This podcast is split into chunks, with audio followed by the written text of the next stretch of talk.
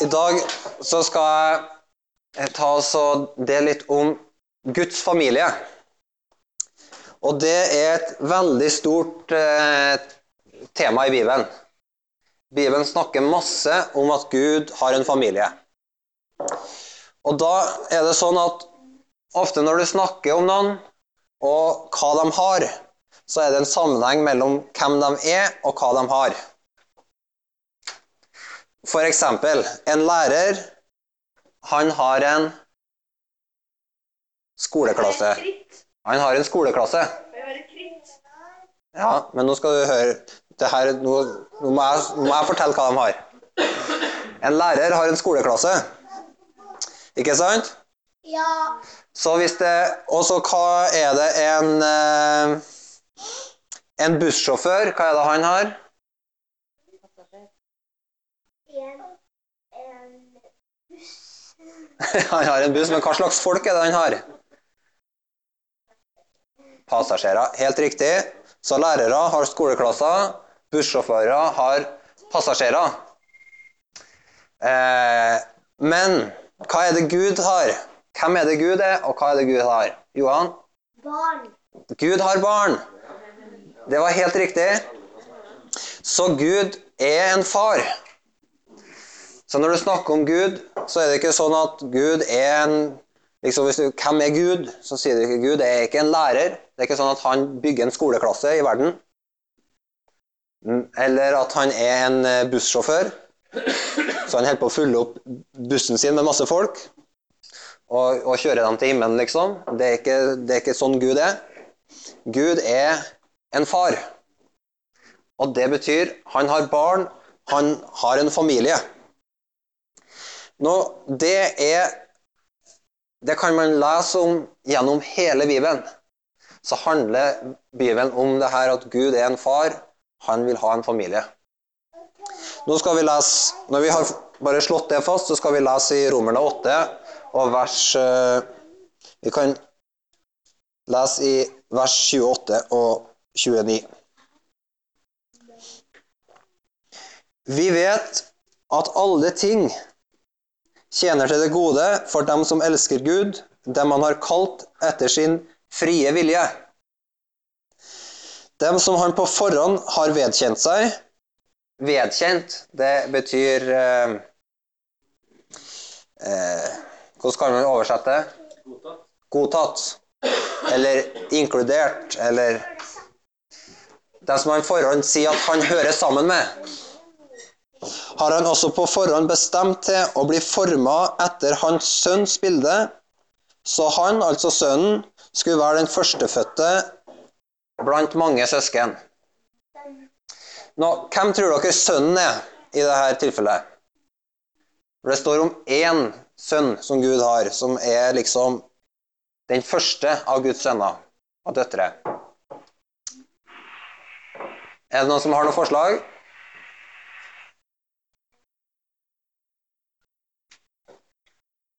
Lars Martin? Lars Martin tror det er Jesus. Er det noen som tror det samme? Ja, Johan tror det. Mari? Lars Martin og Johan og Mari har helt rett. Så her står det noe veldig interessant. At på forhånd, det betyr før alle ting. Før Gud hadde skapt verden, så hadde Gud bestemt at han skulle ha en familie. Og så hadde han også bestemt, før han skapte verden, at, at denne familien skulle starte med én storebror. Og det var Jesus. Så nå hvis eh, CF og Jonas, kan dere komme fram her? Og Tobias, du må komme fram. Dette er tre veldig viktige fyrer. Tre veldig viktige karer. For de her har én ting felles. De her tre de er sånne førstefødte. De er storebrødre. Og det er en veldig viktig oppgave. Så Tobias han er storebror til Johan og Pia. Og Jonas han er storebror til Adele og Noah. Og CF, Christian Fredrik, han er storebror til Margrethe og Ester Mille. Så de har en sånn eh, De er ikke bare én i flokken, men de har et særlig ansvar. Foreldrene til de her tre guttene de har skjønt det, at hvis de gjør en god jobb med den første Hvis den første ungen blir veloppdragen og snill, så blir de andre òg det. Fordi da ser de på storebroren, og så lærer de noen ting. Så de her tre, både Kristian Fredrik og Jonas og Tobias, er sånne prakteksemplarer. De er, og Foreldrene har investert veldig mye tid og energi i å få dem til å bli sånne ypperlige utgaver av eh, menneskeheten. Da kan dere sette dere igjen. Applaus. Og sånn var det Gud, når Gud brakte Jesus inn i verden, så står det om Jesus at uh, han var nøye utvalgt. Og Gud hadde brukt hele historien på forskjellige måter til å bringe fram sin egen sønn inn i verden. Og han var det perfekte uttrykket av Gud sjøl. Altså det betyr han var akkurat sånn som Gud sjøl var. Guds eget liv var Jesus. Og så bestemte Gud Jesus må inn i verden fordi denne familien min trenger en storebror. Ok? Så det er, det er kjempeviktig. Det lærer vi i dette verset. Det er at eh, Jesus, eller Gud, han har bestemt at vi som er Guds barn, vi skulle bli forma sånn at vi ligner på sønnen sitt bilde. Ok? Vi skulle bli forma sånn at vi ligna på storebroren. Det var Guds plan. For han, Gud han ville ikke ha en familie med sånne uoppdragende, slappe, late unger som slenger føttene på bordet og ikke bærer av bordet etter seg og ikke rydder rommene sine og sånn. Eh, billedlig talt. Og bokstavelig talt sikkert òg. Nei, Gud han ville ha en familie som ligner på Jesus. Og så tenkte han hvis jeg skal ha Det var så mange ting som Gud ville ha i familien sin, så han tenkte nå bringer jeg Jesus inn i verden, så alle som blir født inn i min familie, kan ha en storebror å lære av. Ok? Så hvis vi lurer på hvem er det vi skal ligne på for å bli de barna som Gud har bestemt oss til å være, så er spørsmålet Nei, så er svaret Mari. Jesus, ja. Helt riktig. Det var storebroren. Veldig bra. Nå skal vi ta og se på tre sånne ting som kjennetegner dem som tilhører Guds familie. Så hvis dere skal notere og huske på noen ting, så må dere huske at det er tre ting vi skal huske på i dag. Og den første tingen, den er det at eh, det er det at vi kjenner Gud som far, som gjør at vi er en familie. Ok? Ja. Mhm. Så hvis du er en del av Guds familie, så er det ikke fordi du bare kjenner de folkene som er her eller andre steder der kristne samles. Ok? Det er ikke nok å kjenne noen kristne for å bli en del av Guds familie. Men vi blir en del av Guds familie ved at vi kjenner han som er far. Vi må bli kjent med pappa. Da blir vi en del av familien. Og så tenker du, det, Håvard, det er jo veldig selvsagt. Vi skjønner jo det at eh, vi som, har, som vet litt om Jesus, og sånn, at vi må bli kjent med Gud for å bli en del av familien til Gud. Men det som er viktig i den sammenheng, det er at det er ikke sånn at familie, det at vi er familie, først og fremst kjennetegnes ved at vi er venner og henger sammen. Men det at vi er en familie for Gud, er først og fremst kjennetegna med at vi sammen kjenner Gud. Ok? Så familien til Jesus er ikke først og fremst kjennetegna ved at de er masse sammen, men den er først og fremst kjennetegna med at når vi er sammen, så er vi sammen med Gud. Så er Gud til stede mellom oss, og vi søker Guds fellesskapet med Gud sammen. Det er på en måte det første grunnleggende. Og det er veldig viktig å huske på når vi kommer sammen. Så er det å alltid gjøre det til en viktig ting at når vi kommer sammen, så søker vi Gud sammen. For det er, det er på en måte det hele grunnlaget for å være Guds familie. Så det var det første.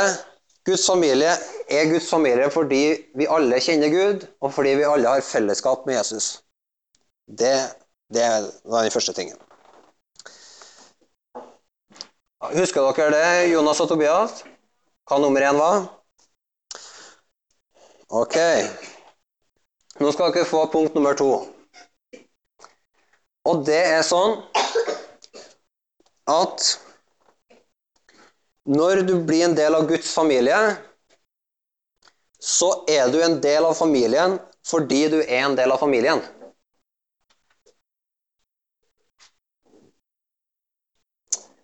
Den var dyp. For nå skal jeg få fortelle deg hvordan det er i en vanlig familie. I familien vår så er det ikke sånn at ungene våre, Jonas, Adele og Noah, er en del av familien fordi de f.eks. Eh, heier på Rosenborg. Eller fordi de bor i huset vårt. Men de er en del av familien fordi de er en del av familien. Det er ikke sånn at de kan komme til oss en dag og så si I dag har jeg bestemt meg for å melde meg ut. Eller at de våkna en dag og så sa de i dag så hadde jeg tenkt å melde meg inn i denne familien. Hadde det gått an? Nei. Nei. Det er ikke sånn at hvis det kommer noen naboer på besøk til oss og legger seg, på, legger seg inn på et, spør om de kan sove på et rom, og så de, eh, kommer de til frokost og så sier de i dag har jeg meldt meg inn i familien. Nei, det er ikke sånn det fungerer. Enten så er du en del av familien, eller så er du ikke en del av familien. Fordi du må være født. Så det er interessant. For det betyr at menighet og det livet som Det å være en del av Guds familie, det er ikke noe som på en måte at du er det hvis du gjør en hel del riktige ting. Du er ikke en del av en menighet eller av Guds familie fordi du har meldt deg inn. Du er ikke en del av en menighet eller av Guds familie fordi at du har noen oppgaver som du gjør. Og du er ikke en del av menigheten eller Guds familie fordi at du har noe å bidra med. Men du er en del av Guds familie bare fordi du er et Guds barn. Og det gjør at uansett hvordan livet er, så når du er et Guds barn, så er du en del av familien. Du hører til. Og det er fantastisk. For det gjør at eh, da får man en helt nytt blikk på det å være menighet. Og det å være Guds familie. Fordi da vet jeg at eh, akkurat like viktig, akkurat på samme måte som det er viktig i en vanlig familie å være sammen fordi vi er en familie. På samme måte så er det viktig for Gud at familien hans er sammen bare fordi vi er en familie. Sånn? Vi har en regel i familien vår, og den er sånn alle må være der til middagen. Når vi spiser middag, da må alle møte opp. Så Litt tidligere denne uka så ringte Jonas og så spurte han Pappa, kan jeg være Jeg traff noen på fotballbanen, kan jeg være ute litt lenger? Men da sa jeg nei, nå er det middag. Du må komme hjem. Fordi faren i huset han vil ha familien samla. Nå er det middag. Og sånn er det i Guds familie òg. Han vil ha familien sin sammen. Fordi når familien til Jesus kommer sammen, så begynner Jesus å å formidle ting til oss. Han samler oss bare fordi han ønsker å si noe. Han samler oss fordi han ønsker å fortelle oss om sin kjærlighet til oss. Og så samler han oss bare for at vi skal komme sammen og fortelle han hvordan vi har det. Og ha fellesskap med han. Og det, Jesus elsker å samle familien sin. Så det å være en del av Guds familie, det er ikke noe som du er fordi du gjør noen spesielle ting, eller fordi du har meldt deg inn i et spesielt sted, eller noe sånt. Det er bare noen ting du er. Ok? Familie er noen ting du er. Og så, Det var punkt nummer to. Og så Husker du det? Tre. Så nå har vi gjort én og to. Skal vi løse på tre. Og det, punkt nummer tre det er veldig interessant. Skal vi ta oss og lese sammen i Matteus evangeliet kapittel 12 og vers 46-50.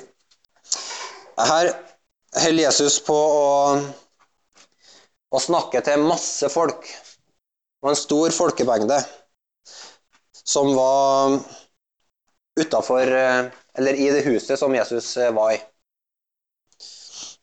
Og så står det Mens han enda talte til mengden, kom hans mor og hans brødre. De sto utenfor og ville gjerne snakke med han. Da var det en som sa til han, Din mor og dine brødre står utafor og vil gjerne snakke med deg. Men Jesus svarte han, Hvem er min mor, og hvem er mine brødre? Og han pekte med hånda på disiplene, og så sa han, Der er min mor og mine brødre. For den som gjør min himmelske fars vilje, han er min bror og søster og mor. Så her definerer Jesus Han sier hva er det som er kjennetegnet på familien min? Jo, kjennetegnet på familien min sånn, Så peker han på disiplene. Og disipler det er noen som lærer av Jesus. Så peker han på disiplene og så sa han, kjennetegnet på familien min det er at det er folk som gjør min himmelske fars vilje. Det vil si, de kjenner Gud som far og gjør det Gud vil. Det var kjennetegnet på familien til Jesus. Så Jesus han har en sånn familie som er et sted der vi lærer å gjøre det Gud vil. Nå, Det er litt interessant, for det er faktisk en av de viktigste grunnene til at Gud har laga alle familier på jorda. Det er sånn at unger som blir født, de er ment til å bli født inn i en familie fordi, fordi når de er i en familie, har foreldre og har søsken og sånn, så skjer det noen ting. De begynner å lære hvordan man skal oppføre seg, lære hvordan man skal behandle andre, lære å ikke bare tenke på seg sjøl. Familie, det former oss. Det gjør noe med oss. Og Jesus sier at sånn, det er kjennetegnet på familien hans.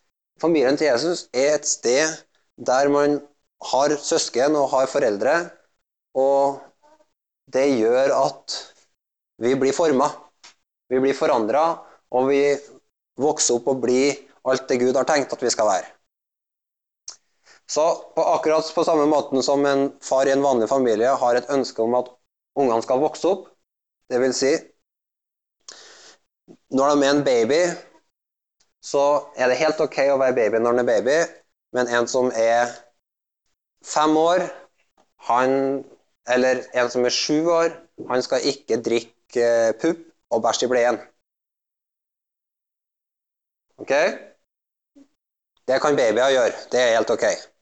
Men hvis babyen blir sju år og fortsatt ligger på gulvet og sier ga-ga, da er det noen ting som i de aller fleste tilfellene er veldig feil.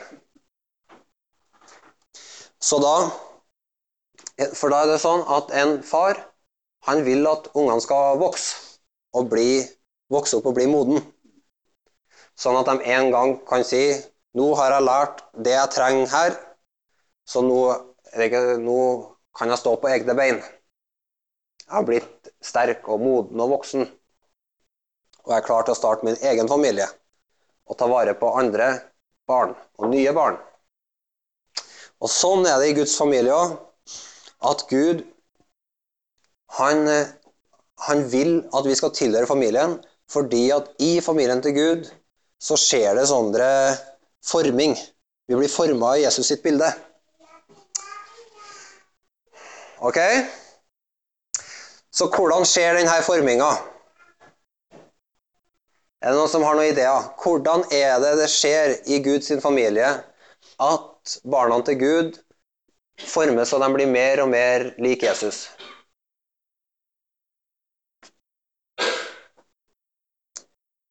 Er det noen som har noen forslag? Ja, de lærer ting for undervisning. Sånn er det jo i en vanlig familie òg. Men,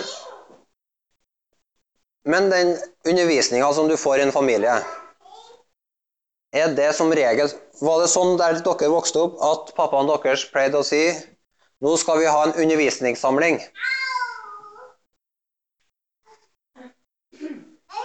Og så hadde han én time med undervisning hvor hele familien gjorde notater. Og så skal de ha praksis etterpå. Har, har det vært noen sånne samlinger i din familie, Adele? Sånne undervisningssamlinger? Ikke som du kan komme på? Jeg tror ikke det har vært noen sånne. Også. I hvert fall ikke på en hel time. Men vi lærer jo noen ting likevel, sjøl om det ikke er sånne undervisningssamlinger i familien. Ja, vi har noen forbilder, ja. Det er helt sant. Så vi lærer gjennom at vi har storesøsken og foreldre. Sånn som Jesus sa, at han så på familien sin, og så sa han 'Her er min mor, her er min søster og min bror'. Ok? Så det fins noen mødre, det fins noen søstre og det fins noen brødre i Guds familie. Dem lærer vi av. Så er det noen som vet det Hvis dere tenker på dere sjøl Nå trenger dere ikke å si høyt, da, men vet dere av om dere har noen storebrødre i Guds familie? Det betyr det må være noen som har levd lenger sammen med Jesus enn deg, og som du kan lære noe av. Eller noen storesøstre. Kan dere tenke med dere sjøl. Har jeg noen storesøsken i familien?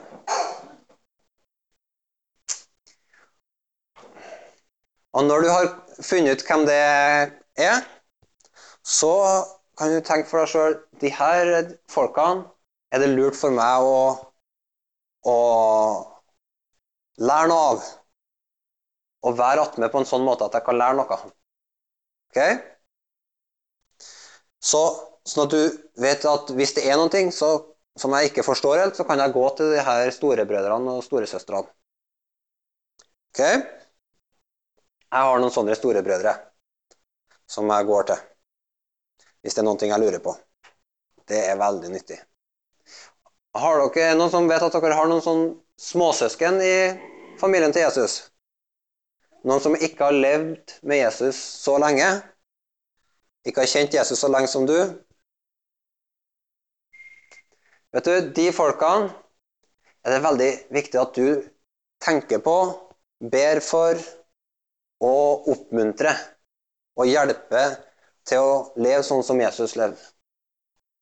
Og faktisk så er det sånn at, at uh, du kan ha Kanskje du bare har kjent Jesus i, i tre uker, og allerede så er du storebror. Det kan hende. For det kan jo komme noen som har møtt Jesus etter deg. Eller kanskje det er noen ting som Jesus har vist deg, så på ett område det er noen ting som du kan lære til og med lære til storebroren din, sjøl om du er lillebror. Og så er det noen ting som foreldre kan lære av ungene sine. Fordi at vi er i Guds familie, så er det til syvende og sist Gud som vi lærer fra. Så det er den ene måten. Vi lærer gjennom søsken fordi vi på en måte Ting bare virker sånn. Men så er det en måte til som, eh, som vi lærer på i Guds familie, og i vanlige familier. Og det er sånn ikke-planlagt læring. Det er sånn læring sånn som bare skjer. Og det, og det, er nesten, det, er nesten, det som oftest er læringa i en vanlig familie. Og som jeg tror er noe av det som Gud vil at skal skje veldig ofte i sin familie òg. Det er sånn at du lever livet ditt i Guds familie, og så plutselig så skjer det noen ting som du ikke hadde visst at skulle skje, og så må du bare lære hvordan Hva gjør jeg nå? For eksempel Hvis Nå snakker vi om en vanlig familie. Hvis det er sånn at eh, at eh, jo, eh, Tobias, da, som er storebror, hvis han er i huset, og så ser han at eh, Pia, som er lillesøster, har vært i skapet og henta to kilo mel og holder på å tømme det i do. Det var noen ting som Tobias ikke trodde skulle skje. Men så plutselig så skjer det. Han ser Pia går mot doen og har begynt å tømme mel i doen. Og da er det sånn at da er det veldig viktig at Tobias er der. Og så forklarer Pia Først er det viktig at han tar melposen fra Pia og setter den i skapet. Men så er det òg viktig at han går tilbake til Pia og forklarer bæsjen skal i do, melet skal i skapet. Melet skal i kaka eller i skapet. Så, og sånn er det det skjer, Vi lærer mange ting sånn plutselig i vanlige familier. Og sånn er det i Guds familie. At vi lærer ting bare det bare skjer. Du, du, du, lever et liv sammen, og så plutselig skjer det noen ting. For eksempel, du er ute sammen med en storebror eller en lillebror eller en storesøster eller lillesøster som du har i Guds familie. Og så er du ute i byen og går tur. Her nå dikter jeg et eksempel. Og så eh, er du ute i byen og går tur, og så skal dere eh, eh, Og så skal dere over en vei. Og så begynner dere å gå over veien, og så eh, kommer det en bil i veldig stor fart. Så dere må stoppe, og den bilen skulle egentlig ha stoppa for dere. Og da tar denne her storebroren din, eller lillesøstera di, Jesus, i Guds familie Han blir så sint at han tar en stor stein og så kaster etter denne bilen som kjørte. Ok, det var et dikta eksempel. Sånn at den knuser ruta på bilen. Ok. Da har det bare skjedd noen ting. Var det et godt eksempel, eller? det har bare skjedd noen ting. Men det kan være veldig mye mindre dramatisk enn det der. Det kan f.eks. være ah, Ja, men slår, ja. ja. Folk slår i biler.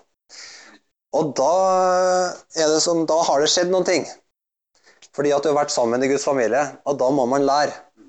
Da er det ikke sånn at, eh, at vi ikke bryr oss om det som skjer, men fordi vi er Guds familie og er sammen i det som skjer, så må vi gjøre noe.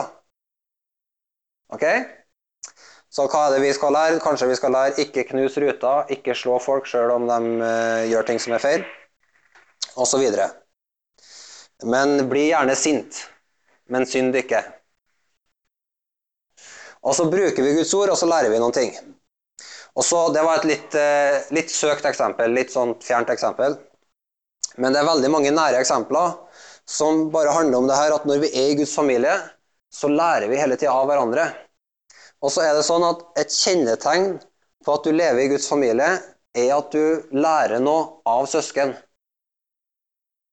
Så hvis du tenker tilbake på den siste uka di, eller den siste måneden din, så kan du tenke har jeg lært noen ting av søsken bare sånn underveis.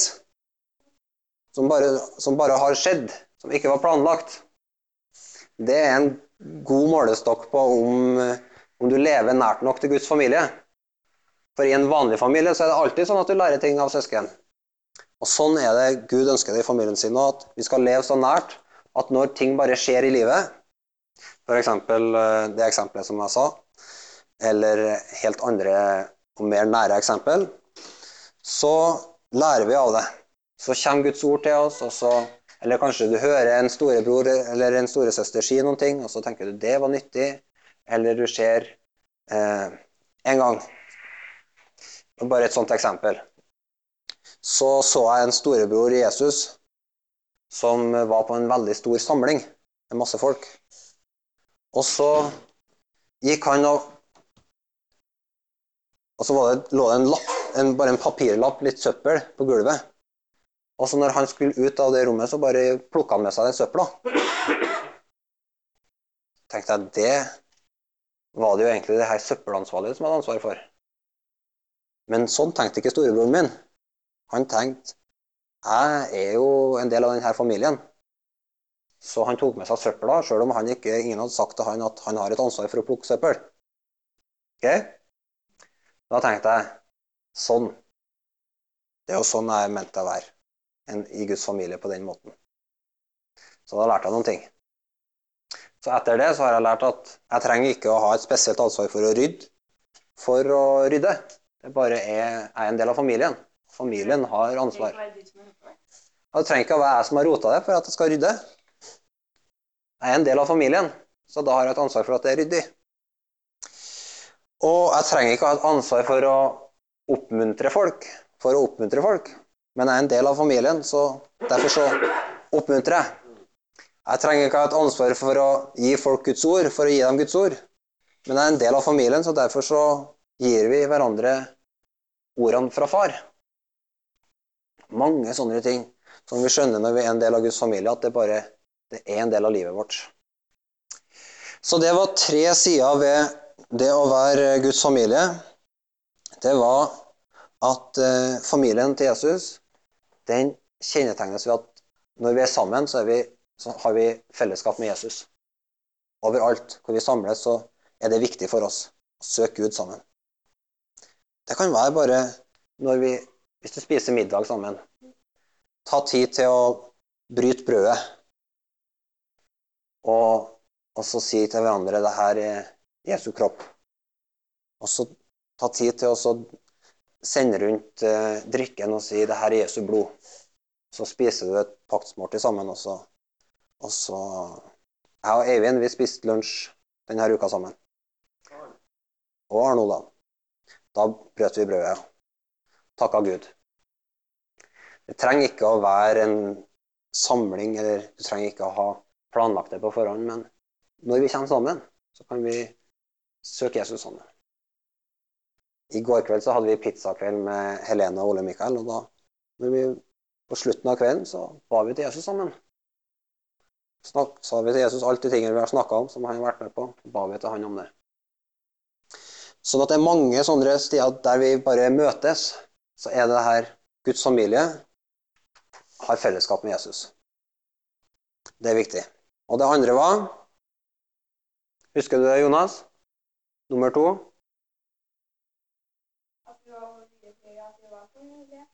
Helt riktig. Bra.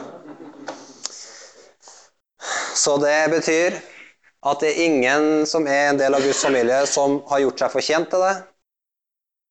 Du er ikke en del av Guds familie fordi du er flink, eller fordi du er, gjør de rette kristne tingene, eller går på de rette møtene, eller noe sånt. Du bare er familie fordi du er familie. Gud har gjort det sånn. Og så det tredje Er det noen som husker det? Steffen? Vi lærer av hverandre. Vi lærer av hverandre. Vi har søsken i Guds familie. Så læring skjer hele tida. Og et kjennetegn på at vi lever familie sånn som Gud vil det, er at vi lærer ting sånn som bare skjer underveis. Ok? Det var dagens input. Og så kan dere huske på, hvis dere vil ha et vers å lese ekstra på, så kan dere lese på Romerbrevet kapittel 8 vers 28 og 29. Og det er nok å lese det verset det, og tenke på det. Da har du nok å grunne på hele uka. så hvis du har ei travel uke, så kan du lese det verset, og så tenk på det hver dag. Og så kanskje Gud vise deg noen nye ting hver eneste dag.